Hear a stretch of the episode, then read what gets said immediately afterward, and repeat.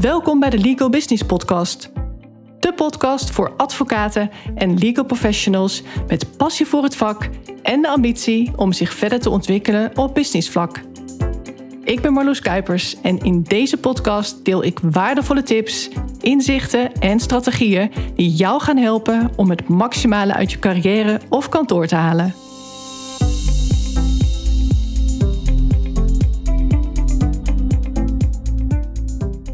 In deze tijd van het jaar word ik geregeld gevraagd om aan te schuiven bij partneroverleggen of om een partnerdag te begeleiden. Chapeau trouwens voor de kantoren die dit doen, want het maken van een businessplan heeft voor veel advocatenkantoren geen topprioriteit.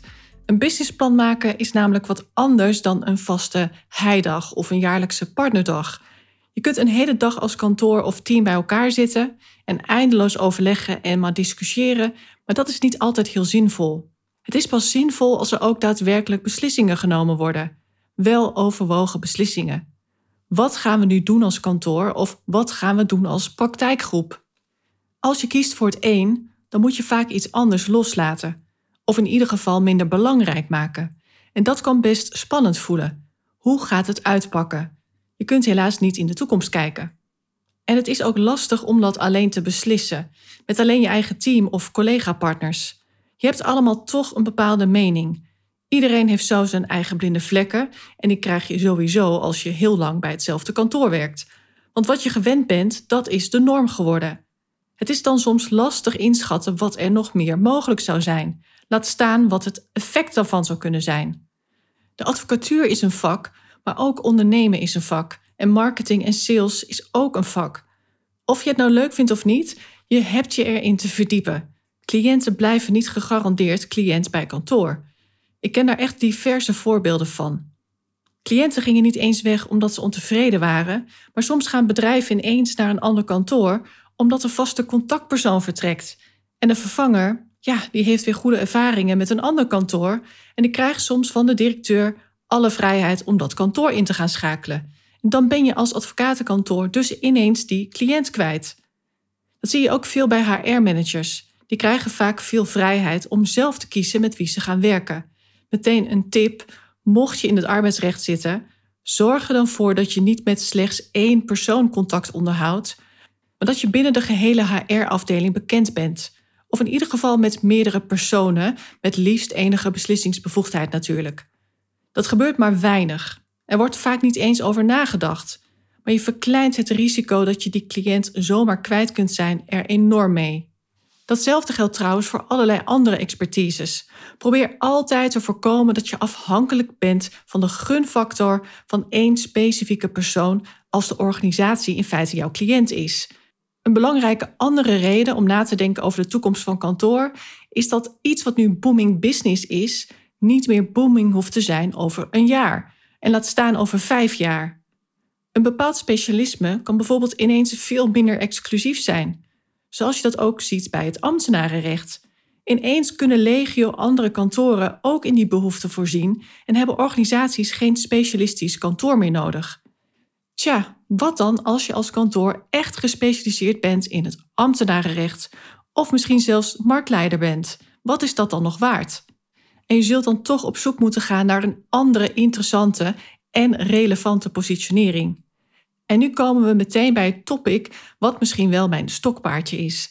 Kantoren, en dat geldt voor advocatenkantoren, maar in feite ook voor notariskantoren of mediationkantoren en natuurlijk de professionals zelf, hen helpen bij het vinden van de allerbeste, meest onderscheidende en meest lucratieve positionering.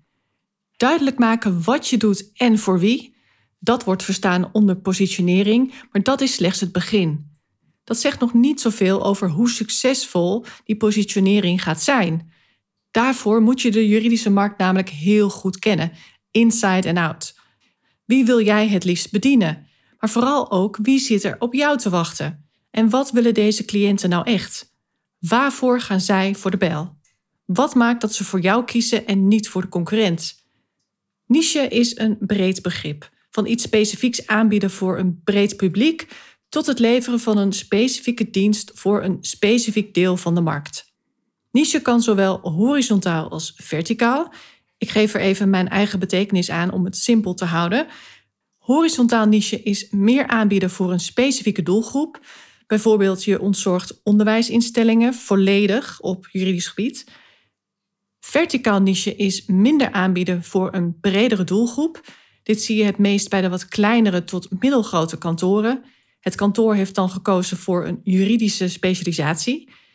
Een bekend voorbeeld zijn de arbeidsrechtkantoren, die zowel werkgevers als werknemers bijstaan. Dus elk vraagstuk op arbeidsrechtelijk gebied is welkom.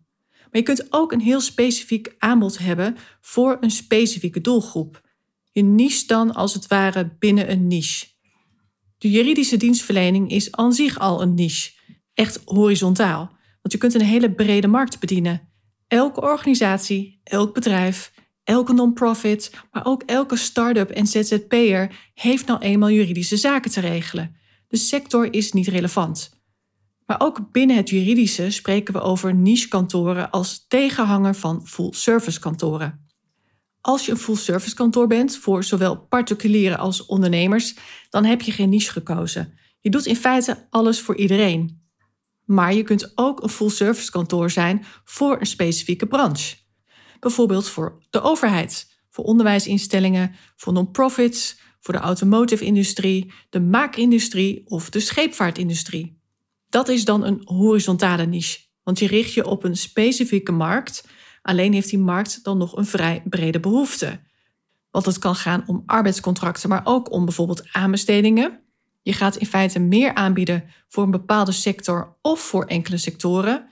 Maar op hoe meer sectoren je je richt, des te minder je natuurlijk een niche-kantoor bent. Sowieso heb je daar toch al vrij snel je handen aan vol als kantoor. Je moet namelijk echt al een behoorlijke omvang hebben. Want je hebt meerdere ervaren specialisten en zelfs teams nodig per rechtsgebied. Want anders is het veel te risicovol. Iemand hoeft maar uit te vallen en je stelt de hele sector teleur. En dat ga je echt niet meer goed kunnen maken als kantoor. Cliënten hebben hun heil dan al elders gezocht. Nog verder niche, dat is dan verticaal, dat doe je door het aanbod te verkleinen. Bijvoorbeeld, je bent als kantoor echt gespecialiseerd in een bepaald rechtsgebied of in enkele aanverwante rechtsgebieden, maar dan voor een hele specifieke doelgroep. En dat kan een sector zijn, zoals de bouwsector, maar ook een bepaald type cliënt, zoals bedrijven met een bepaalde omvang of met een bepaalde maatschappelijke focus. Die hebben vaak toch een specifieke behoefte.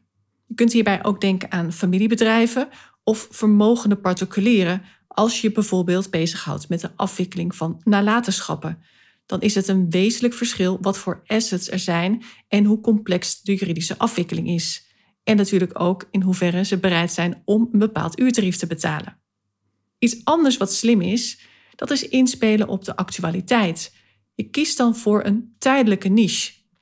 Je ziet dat nu bijvoorbeeld met de toeslagenaffaire, maar dat zag je ook bij de invoering van de AVG in 2018. Veel advocaten en juristen zijn daar toen vol opgedoken. Zo'n niche heeft dan vaak een korte levensduur, maar wel een hoge omzet. Als je als kantoor succesvol wilt zijn, niet alleen komend jaar, maar ook de komende tien jaar, dan zul je echt moeten nadenken over de toekomst. Welke kwaliteiten heb je als kantoor in huis? Maar ook wat ontbreekt er nog? Of wie ontbreekt er nog? Waar wordt iedereen blij van? Wat zijn kansen in de markt en wat zijn mogelijke risico's? Denk echt lange termijn. Uiteindelijk gaat het om product market fit. Je moet als kantoor de sweet spot zien te vinden. En dat is waar jouw expertise en jouw toegevoegde waarde, als ook de behoeften van de cliënt en de markt samenkomen. Want een bepaalde markt die kan wel instorten, waardoor het niet meer interessant is op dat moment. Een booming markt is natuurlijk interessanter dan een markt die aan het instorten is. Die hele sector zit dan in de problemen, dus ook jouw potentiële cliënten. Die kunnen je dan wel nodig hebben, maar niet betalen. De klassieke niche doorloopt in feite de volgende stadia: het ontstaan van de niche, dan de groeifase, de rijpingsfase en dan komt er het moment van verzadiging. In het begin is er door het geringe marktpotentieel ruimte voor maar een paar aanbieders. De groeiniche ontwikkelt zich geleidelijk aan tot een massamarkt en dan verliest het zijn niche-karakter. Een groeiniche wordt uiteindelijk vaak toch een massaniche, want het is commercieel heel interessant geworden voor diverse partijen.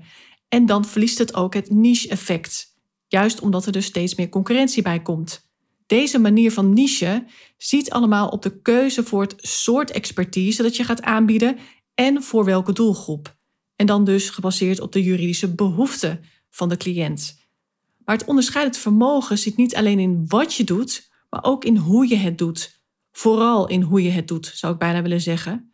En daar kun je het dus op winnen en op blijven winnen als kantoor, ook als de niche zijn unieke positie verliest. Je hebt enerzijds de dienst en anderzijds de dienstverlening. Product versus delivery in marketingtaal. Als het product of de dienst gemeengoed is geworden, dan zul je het dus van de uitvoering moeten hebben. Dan wordt het dus ook belangrijk om te kijken wie daar gevoelig voor is. Welke doelgroep gaat voor goedkoop en welke doelgroep gaat voor de beste kwaliteit, voor de beste dienstverlening. De ene doelgroep heeft dus echt andere wensen en andere verwachtingen dan de andere doelgroep. Dus daar moet je als kantoor ook een keuze in maken. Want ook het soort cliënt is een niche. Ik merk dat het voor veel kantoren heel verleidelijk is om qua type cliënt heel erg te verbreden. Ze willen bijvoorbeeld ook cliënten gaan bedienen die niet bereid zijn om het geldende uurtarief te betalen. Ze willen daar dan toch een goedkoper aanbod voor hebben. Dus van exclusief maatwerk naar toch ook maar dat standaardwerk gaan aanbieden voor lagere tarieven. Maar dat is wel een heel andere doelgroep en dat moet je je als kantoor echt realiseren. Dat zei ik deze week nog tegen een groep partners tijdens de partnerdag waar ik aanwezig was. Ze hadden op zich een heel goed idee en dat idee ga ik ook niet delen, want daar wil ik natuurlijk heel zuiver in zijn. Alleen dat idee zou toch wel heel veel tijd en energie gaan kosten om van de grond te krijgen. En alleen daarom al vond ik het geen goed idee. Het idee kun je namelijk ook in je achterhoofd houden en on the spot aanbieden aan cliënten bij wie dat perfect past, maar dat dan niet tevens aan de voorkant gaan vermarkten. Dat was mijn advies. En waarom niet? Nou, omdat het naast dat het tijd, geld en energie kost, ook afbreuk zou doen aan de premium positie die ze nu in de markt hebben. Dus het verzwakt dan je huidige positie, terwijl je gaat concurreren in een prijsvechtersmarkt. Dat is een beetje overdreven, maar dan snap je wel mijn punt. Je gaat dan voor de massa in plaats van voor exclusiviteit. Ik hoop niet dat je kortsluiting hebt gekregen van al die niche-voorbeelden en al die termen, horizontaal en verticaal en dan nog een mix daarvan. Ik heb het juist wat concreter proberen te maken, specifiek voor de juridische markt. Wat is nou relevant? Wat gebeurt er momenteel allemaal in de markt en wat zijn de afwegingen die je moet maken als kantoor? Wil je ook op de lange termijn succesvol zijn? Mocht je hier als kantoor toch nog niet mee bezig zijn, ga dat dan wel doen. De concurrentie doet het namelijk ook. En ik zou er zelfs zaken en dus korte termijn omzet voor laten lopen als je meent dat je nu te druk bent om als het ware aan je kantoor te werken. Gewoon maar doorgaan met wat je dit jaar al hebt gedaan en wellicht al jaren doet zelfs, dat is echt onverstandig. Geef juist prioriteit aan het aanscherpen van de langetermijnvisie en kom zo ook tot een concreet plan voor komend jaar. Weten wat je moet doen, dat geeft rust. De daaraan besteden tijd verdien je in veelvoud terug, geloof me. Mocht je daar mijn hulp bij willen, laat het mij dan weten. In december zijn er nog mogelijkheden om mij aan te laten schuiven bij bijvoorbeeld een partnerdag of om mij op een andere manier in te schakelen. In januari ben ik niet beschikbaar en dan zitten we alweer vol in 2023 en dan ben je eigenlijk al een beetje te laat, maar beter laat dan nooit. Hiermee zijn we dan weer aan het einde gekomen van deze aflevering. Dankjewel weer voor het luisteren en heel graag tot de volgende aflevering. Dankjewel voor het luisteren. Mocht je deze podcast waardevol vinden, abonneer je dan of volg mijn podcast zodat je geen aflevering hoeft te missen. En deel hem ook vooral in je netwerk. Ook zou je mij een groot plezier doen met een 5-sterren review die je kunt achterlaten op iTunes. Niet alleen wordt de podcast dan beter gevonden, maar je helpt ook weer andere advocaten en juristen in hun reis naar succes en geluk. Uiteraard vind ik het leuk om te horen wat je meeneemt uit deze aflevering. Stuur me een bericht op LinkedIn of mail naar info.marloeskuipers.nl. Heb jij bepaalde ambities en wil je weten hoe ik jou zou kunnen helpen bij het verwezenlijken daarvan? Vraag dan een gratis meesterschapscall aan via mijn website Ga naar www.marloeskuipers.nl. Alle informatie vind je ook in de show notes bij deze aflevering. Ik kijk er naar uit om van je te horen. Tot de volgende keer.